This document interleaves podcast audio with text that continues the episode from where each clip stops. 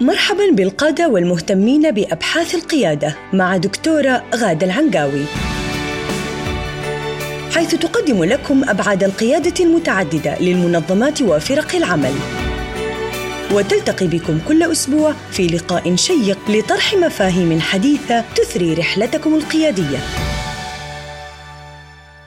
مستمعينا الكرام في كل مكان السلام عليكم ورحمة الله وبركاته. وأسعد الله أوقاتكم بكل خير. حياكم الله في حلقة جديدة من بودكاست القيادة مع الدكتورة غادة طلال العنقاوي المتخصصة من أكثر من 20 عام في القيادة بجميع مستوياتها من خلال أبحاثها في الدكتوراه وبخاصة في مجالي السلوك القيادي الفعال ومجال التربية والتعليم. حياك الله من جديد دكتورة غادة. أهلا وسهلا عبد العزيز حياك الله. أهلا وسهلا فيك. دكتورة في الحلقة الماضية توقفنا عند موضوع الملكات الخاصة بالقيادة النيوكاريزمية. أه، ويبدو نعم. أنه كان السؤال يحمل في طياته الكثير من العمق ولكن تركناه يعني يدور في أذهاننا بعد إجابة سريعة منك.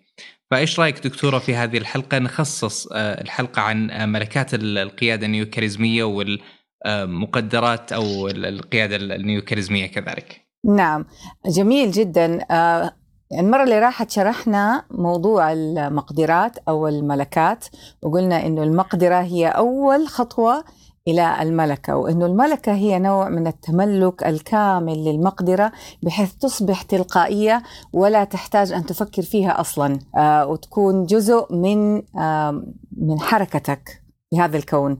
فمثلا عندك ملكة ملكة إيش؟ الخطابة. في ناس عندهم هذه الملكة بطريقة تلقائية. آه، مثل هذا النوع من الملكات ما أقصد. آه، بالنسبة للقيادة هناك مجموعة من المقدرات آه، الخاصة بالقيادة عموما وهناك مقدرات خاصة بالقيادة النيو كاريزمية فنتكلم عن هذا الموضوع اليوم. جميل. طيب إذا دكتورة خلينا كمدخل لهذه الحلقة نعرف ما هي المقدرات الأساسية للقائد النيو كاريزمي طيب آه يمكن أفضل نبدأ بالقياده العادية. إيش المقدرات المتوفرة عند أي قائد؟ آه أي قائد آه يتصدر للقيادة آه أكيد عنده نوع من المقدرات اللي خلته يكون قائد وخلت الناس يكونوا تابعين له. آه، منها المقدرة على تنظيم الذات والوعي بالأفكار والمشاعر المقدرة على التبصر والبصيرة نفاذ البصيرة المقدرة على التحرك والمبادرة الذاتية آه، الذكاء الاجتماعي ومقدرات الإقناع والمفاوضة المقدرة على التواصل بكل أساليبه عبر الثقافات وعبر اللغات وعبر الاعتقادات المقدرة على التوازن الشخصي وتنظيم الضغوط بشكل ذاتي. المقدرة على التوسط وفض النزاع بين الآخرين المقدرة على التوجيه لفرق العمل المقدرة على رسم الخطط آه، التنظيمية ووضع الاستراتيجيات والأهداف والمقدرة على اتخاذ القرارات.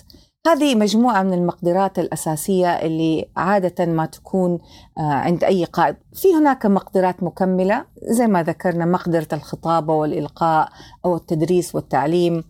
أحيانا تكون هناك مقدرات جسمية آه، تسمح للقائد بأن يعمل بمعدل أكثر من أي شخص آخر أو مقدرات عقلية تحليلية ذات أبعاد متعددة في جوانب الحياة المختلفه أو مقدرات أدبية حسب تخصص هذا القائد الأساسي أو حسب اهتماماته في الحياة، فهذا بالنسبة للقيادة عموما. جميل. طيب قبل لا ندخل في الموضوع ونتعمق، القائد هل هو القائد العادي هو ذاته القائد النيو كاريزمي أم هناك اختلاف؟ أي قائد نيو كاريزمي لابد أن تتوفر فيه صفات القيادة الأساسية ومقدراتها وملكاتها ها؟ عشان نغطي كل المستويات. لابد لا يمكن أن يتصدر للقيادة النيو كاريزمية بلا المقدرات التي ذكرناها سابقا. ولكن يميز القائد النيو كاريزمي أشياء زيادة عن أي قائد آخر. وقد يعني يختلط الأمر وخاصة لما كنت أعمل بحث الدكتوراه كنت أشوف قيادات جدا متميزة وأقول في نفسي هذول حينتهوا في في يعني في الصفوة. بعدين فجأة افاجئ بشيء يحدث أقول لا ليسوا من أولئك. فخليني أتكلم عن المقدرات التي تميز القائد النيو كاريزمي عشان تتضح الفرق بينهما. أهم مقدرات القائد النيو كاريزمي هو التمييز بين الحق والباطل والصواب والخطأ ضمن مرجعية أخلاقية ذات أساس قوي. فعنده مثلا قيم العدالة والمساواة والحرية آه، وغيرها من القيم الاجتماعية تحتل مكانة عالية جدا. طيب هذه يعني انتجرال أساسية في كل موقف في كل قرار في كل لحظة عنده هذه المرجعية الأخلاقية القوية. المقدرة الثانية التفهم والتفقد لاحتياجات الناس من حوله. يعني هو عنده مهارات التواصل ومهارات النقاش والتفاوض وعنده ذكاء اجتماعي لكن عنده حاجة زيادة فيها إنه يتفقد ويتحسس احتياجات الناس بشكل بشكل أكثر من غيره. يشعر أكثر بالديماندز والطلبات الناس اللي حوله وتطلعاتهم عنده ترمومتر زايد وأيضا عنده قدرة على اعتبار وجهات النظر المتعددة وهذا يقودنا إلى المقدرة على الارتباط بالناس وتجاربهم على اختلاف ألوانهم وأجناسهم وأعمارهم. يعني قد يكون أهل لذلك أشياء مثل آه، ماضيه آه، اختلط بناس مختلفين عاش في ثقافات مختلفة وقد يكون مجرد أنه هو عنده هذه القدرة لأنه فكر فيها ونماها. المقدرة الثالثة القدرة على الاحتواء والاستيعاب والجمع والتوفيق والمرونة. أنا ذكرت أشياء كثير طبعا إحنا نسينا نقول إنه المقدرة هي مجموعة من المهارات. مجموعة ليست واحدة مهارة. المقدرة عبارة عن مهارات كده في بوتقة واحدة تحت تحت مسمى أو عنوان واحد. فالمقدرة على الاحتواء والاستيعاب والجمع والتوفيق والمرونة التي يملكها وتظهر في قراراته وأسلوبه في فض النزاع والاستماع للآخر. وبالتالي من هنا ندخل على مهارات التوجيه ال coaching القائد النيو كاريزمي عنده زيادة في الحتة هذه. مهارات التوجيه وخاصة توجيه المجموعات أو فرق العمل. عنده هذه المهارات تلقائية ومتقدمة. المقدرة الرابعة القدرة على تحدي الواقع والوقوف عكس التيار. يعني إذا وجد أنه قراره صائب ومبني على أساسيات آه، نتكلم عنها إن شاء الله في حلقات ثانية. خلاص يعني يثبت. وبالرغم إنه قد يكون قراره آه، يعني في كثير من المخاطرات والصعوبات والتحديات وكثير من الناس حوله لا يرون ما يرى لكن خلاص هو متأكد من قراره فيقف عكس التيار. تحدي الواقع. المقدرات الأدبية والخطابية لأنه هذه آه، مهمة جدا لنشر الرؤية المشتركة. المقدرات المتعلقة بالشجاعة والإقدام. قد تكون شخصية ولكن في نفس الوقت تنتقل لتكون تنظيمية. فيكون أول مبادر. أول شخص آه، يخترق آه، مثلا الرقم القياسي في شيء معين. عنده كده اختراقات معينة. فبالتالي الشجاعة والإقدام من من من مقدراته. المقدرة على الرعاية. آه، إحنا نسميها التربية أحيانا. آه، نسميها إنسان يترعرع في شيء معين فهو عنده قدرة على رعاية مو شخص واحد مجموعة كبيرة تنظيمية. يعني ممكن يكون تحت يده ألوف من الناس ويستطيع أن يرعاهم كلهم ويضع خطط لرعرعتهم ولتنميتهم. المقدرة على ترويض الذات والتحكم في رغباتها وتوجيهها لمصلحة الغير. هذه مرتبطة بالمقدرة الأولى اللي هي المرجعية الأخلاقية. في المقدرة على ترويض الذات يجي هنا كبح الجماح. والتربية الذاتية. وحبس النفس على ما تكره علشان إيش؟ مصلحة الغير مصلحة المجموعة. فهنا تدخل في موضوع آه خلينا خليني أنتظر أحسن عشان هذه المقدرة العاشرة بس هذه أساسها. آه المقدرة التاسعة القدرة على التعلم والتطور ويدخل تحتها موضوع التواضع. لأنه لا يستطيع الإنسان أن يطلب العلم أو يتعلم إذا لم يكن عنده شعور بأنه لا يملك كل شيء ولا يعلم كل شيء. فهنا تيجي هذه الاثنين المقدرتين هذه متشابكة في بعض. وعاشر وحدة اللي لها علاقة بالثامنة اللي هي موضوع ترويض الذات والتحكم في رغباتها وتوجيهها لمصلحة الغير عاشر وحدة المقدرة على التخلي والتنازل عن الجاه والمنصب والقيادة. إذا ظهر غيره من هو أحق منه. هذه أصعب وحدة لأنك لأنه ممكن يكون وصل إلى القمة وتعرف يمتلك كل شيء مال وجاه ومنصب ولكن يظهر في التنظيم قائد آخر. آه، في نفس السمات فهو بفراسته يرى هذا القائد فلا يشعر بالمنافسة وإنما يشعر أنا من واجبه أن يسلم القيادة لغيره. فهذا يدل على القدرة على التضحية والتنازل. لأن المصلحة هنا لاحظ المرجعية اللي هي رقم واحد المقدرة الأولى مرجعية الأخلاقية اللي مصلحة المجموعة والعدالة والمساواة والحرية وإلى آخره من من هذه. طبعا أنا أتكلم عن مثاليات كيف؟ ونوادر.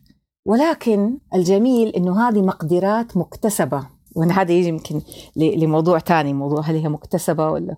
أنت دكتورة تفضلتي يعني بعشر آه، نقاط أساسية آه، هي المقدرات الأساسية لهذا القائد النيوكاريزمي. آه، قد نعم. يسأل البعض يقول إنه والله في بعضها تتشابه مع البعض الآخر يعني مثلا رقم اثنين اللي هي القدرة على تفقد احتياجات الناس ورقم ثلاثة القدرة على الاحتواء والاستيعاب والجمع والتوفيق ألا يعني ما تعتقدين إنه قد بعضها يتداخل مع البعض الآخر كذلك مثل ما تفضلتي في رقم ثمانية ورقم عشرة كذلك؟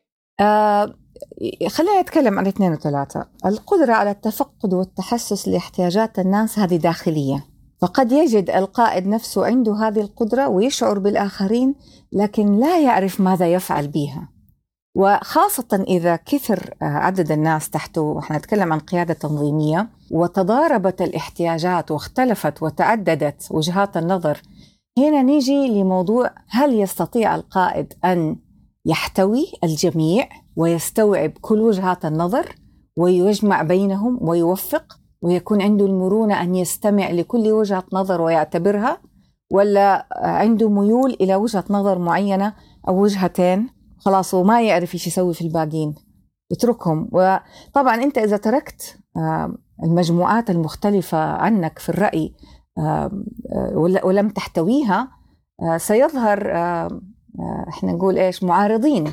معارضين لك في القيادة. وإذا ما استطعت أن تحتويهم في وقت ما في المسار مسار القيادة ستتحول المعارضات إلى تحديات والتحديات إلى انفصالات وتشققات عرفت كيف؟ ويظهر قيادات مختلفة بآراء مختلفة. كل هذا نتيجة لفشل القائد في المقدرة على الاحتواء والاستيعاب والجمع والتوفيق. فإن شاء الله تكون اتضحت هذه النقطة. نيجي للنقطة الثامنة ترويض النفس والتحكم فيها لأنه هنا هذه داخلية مقدرة داخلية. قد لا يعرفها الآخرون ولا تظهر لهم ولكن تظهر في العاشرة عندما يتخلى ويتنازل ويتراجع عشان غيره ياخذ مكانه أو علشان مصلحة الآخرين أو علشان يتبادل القيادة مع الآخرين في قيادة تبادلية. مرة أنت ومرة أنا. جميل. إذا نفهم من حديثك أنه في بعض المقدرات تكون مقدرات داخلية ومقدرات أخرى هي ذات المقدرات الداخلية ولكن عندما تتجلى بشكل خارجي آه نعم طيب دكتورة نعم. إذا ما هي المقدرات اللي تميز القائد النيوكاريزمي؟ يميز القائد النيوكاريزمي العشر المقدرات هذه لكنها آه، ليست مقدرات آه، محفورة في الصخر يعني ممكن يكون القائد الكاريزمي في بداية آه، ال career حقه أو في بداية حياته المهنية عنده المقدرات الأساسية في القيادة طيب؟ ولم يصل بعد إلى القيادة النيوكاريزمية فيمكن يمضي عدد من السنوات في قيادته العادية. ثم مع مرور الوقت إذا هو حريص على تنمية ذاته وعنده تطلع ورؤية ذاتية قوية إحنا نسميها الرؤية النبيلة الهدف النبيل أن يكون عنده هدف نبيل في العالم أن يصنع فرق. فإذا كان عنده هذه الرؤية آه، الداخلية اللي دائما يحس نفسه يبغى يكون آه، يصنع آه، يصنع يعني قيمة في العالم. فيحدد هذا الهدف ومن هنا يبدأ الانطلاق ويتميز ويبدأ يكتسب مقدرات القائد النيوكاريزمي بالتدريب والممارسة. حالات البحث اللي أنا مرت فيها القيادات النيوكاريزمية فيها ما كانوا يعرفوا إنه هم إنه هم قيادات نيوكاريزمية. يعني ما يعرفوا هذا المصطلح. إحنا كباحثين نعرفه لأنه آه، في أدبيات وفي كتابات فيه. فلما آه، آه، عملت البحث وجدت الفرق بين الاثنين وجدت إنه القائد النيو كاريزمي تحدى ذاته ودفع نفسه إلى أقصى مقدراته حتى يصل إلى قيادة النيو كاريزميه بين القائد العادي وقف هناك. خلاص هو شاف نفسه إنه هو آه، صنع فرق في المنظمة ووضع تحسينات وتطويرات وإحنا ما ننكر قد يكون إنسان يعني خير وعنده كثير من الميزات الحلوة والجميلة والناس تحبه لكنه ما صنع التحول في حياة الآخرين آه، وصنع التميز اللي إحنا نبحث عنه في القيادة النيو كاريزميه فإن شاء الله يكون اتضح الفرق. جميل، طيب ولعلنا إن شاء الله مستقبلا نخصص أيضا آه، حلقة لكل واحد منهم، لكن في هذا الجانب جانب القيادة النيوكاريزمية البعض يتساءل كيف اكتسب هذا القائد النيوكاريزمي هذه المقدرات؟ وأنت الآن فصلتيها بشكل دقيق وهي تتجلى عند كثير من الأشخاص بشكل تلقائي ليس بشكل أكاديمي نعم. يعني. لا يأخذونها نقطة نقطة. هل هذه النقطة توفرت نعم. لدي نعم. ينتقل للي بعدها. أنت فصلتيها بشكل جميل ولكن آه، يعني هم ظهروا وتجلت لديهم هذه المقدرات دون آه، معرفة أكاديمية. فالسؤال هنا هل المقدرات هذه قضية موروثة أم هي آه، قضية ممكن إنها يدرسها الشخص ويبدأ يطبقها بالتعلم؟ نعم. أنا رأيي آه، أنه أي مقدرات قيادة هي قابلة للتنمية والتطوير والإكتساب. حتى لو كانت البيئة ويمكن هذا حديث حيكون في حلقات قادمة حتى لو كانت البيئة ما سمحت بها القائد النيو كاريزمي يظهر بعد أن يعني يكون بذل جهد على نفسه بشكل كبير جدا. ولذلك أنا أعتقد أنه 98% من البشر إذا أتيحت لهم السياقات التربوية المناسبة في بداية حياتهم في البيت والمدرسة والمجتمع والتعليم وفي المهنة ممكن أن يتحولوا إلى قيادات نيوكاريزمية. وإذا أتيحت لهم القدوات المناسبة ممكن يتحولوا إلى قيادات نيوكاريزمية. أنا قلت 98% لأنه لابد أن يكون هناك استعداد داخلي للتنمية والتعلم. يعني في شيء لا أعرفه. ما هو؟ اللي يجعل آه 2% يرفضوا وأنا أنا يعني ما جبت الإحصائية دي من نفسي بس آه في في يعني في في أحد الدراسات إنه 2% من البشر ممكن يكونوا ضد المجتمع غير قابل غير قابل لأن يكون عضو صالح في المجتمع. يعني ما في مجتمع أفراده 100% صالحين إلا ما يطلع 2% عندهم اتجاهات ضد المجتمع. ما ما حفصل أكثر لأنه ممكن تتحول حسب البيئة اللي حولهم تتحول هذه الاتجاهات إلى اكستريم تطرف آه، يؤدي إلى إيذاء المجتمع أو آه، ممكن يكون الأذى شخصي. وإحنا نشوف حالات انتحار نشوف مجرمين نشوف ناس آه، يعني خارجين عن المسار بشكل ملحوظ ولا لا يملكون طبعا المرجعية الأخلاقية. فهنا إحنا دائما نتوقف ونقول لا لا يوجد 100% كمال. إلا ما يوجد لكن في ال 98% من البشر في خير. وفي في بذرة خير ممكن تنمى. إذا ما وصلت للنياده القياده النيو كاريزميه وما نتوقع كل الناس يكونوا قواد أصلا لكنها موجودة قابلة للتنمية. أسمي أسمي هذا الفصل أنا يعني لازم أضيف الحتة دي. أسمي هذا الفصل هذه المرحلة اللي هي مرحلة تنمية القيادة آه إذا شبهنا القيادة بكتاب له فصول نسميها الفصل الأول من من كتاب القيادة. ماشي؟ بعدين نتكلم عنها إن شاء الله. أنا أنا شايفة برضو إنه الوقت مشي علينا. صحيح. آه، ربما هذه الاثنين في المية يعني هي سنة الحياة من خلال صراع الخير والشر. نعم, نعم. صراع الأبدي نعم. في هذه البشرية. طيب الحديث معك جميل دكتورة ولكن الوقت أزف. آه، نتطلع إن شاء الله في الحلقة القادمة أن نتحدث أكثر عن فصول كتاب القيادة الفصل الأول والفصل الثاني بشكل موسع ونتساءل أيضا آه، في آه، باقي هذه المواضيع المتعلقة بالقيادة. كل الشكر والتقدير لك دكتورة غادة طلال العنقاوي. على وقتك الثمين. والشكر موصول لكم أنتم أيضا مستمعينا الكرام أينما كنتم في الختام. تقبلوا أطيب التحايا مني أنا محدثكم عبد العزيز الحجي. نلتقي في الحلقة القادمة إلى ذلك الحين دمتم في رعاية الله وحفظه وإلى اللقاء. استمعتم للدكتورة غادة العنقاوي تتحدث عن قيادة المنظمات وفرق العمل في بودكاست القيادة. إلى أن نلقاكم مجدداً.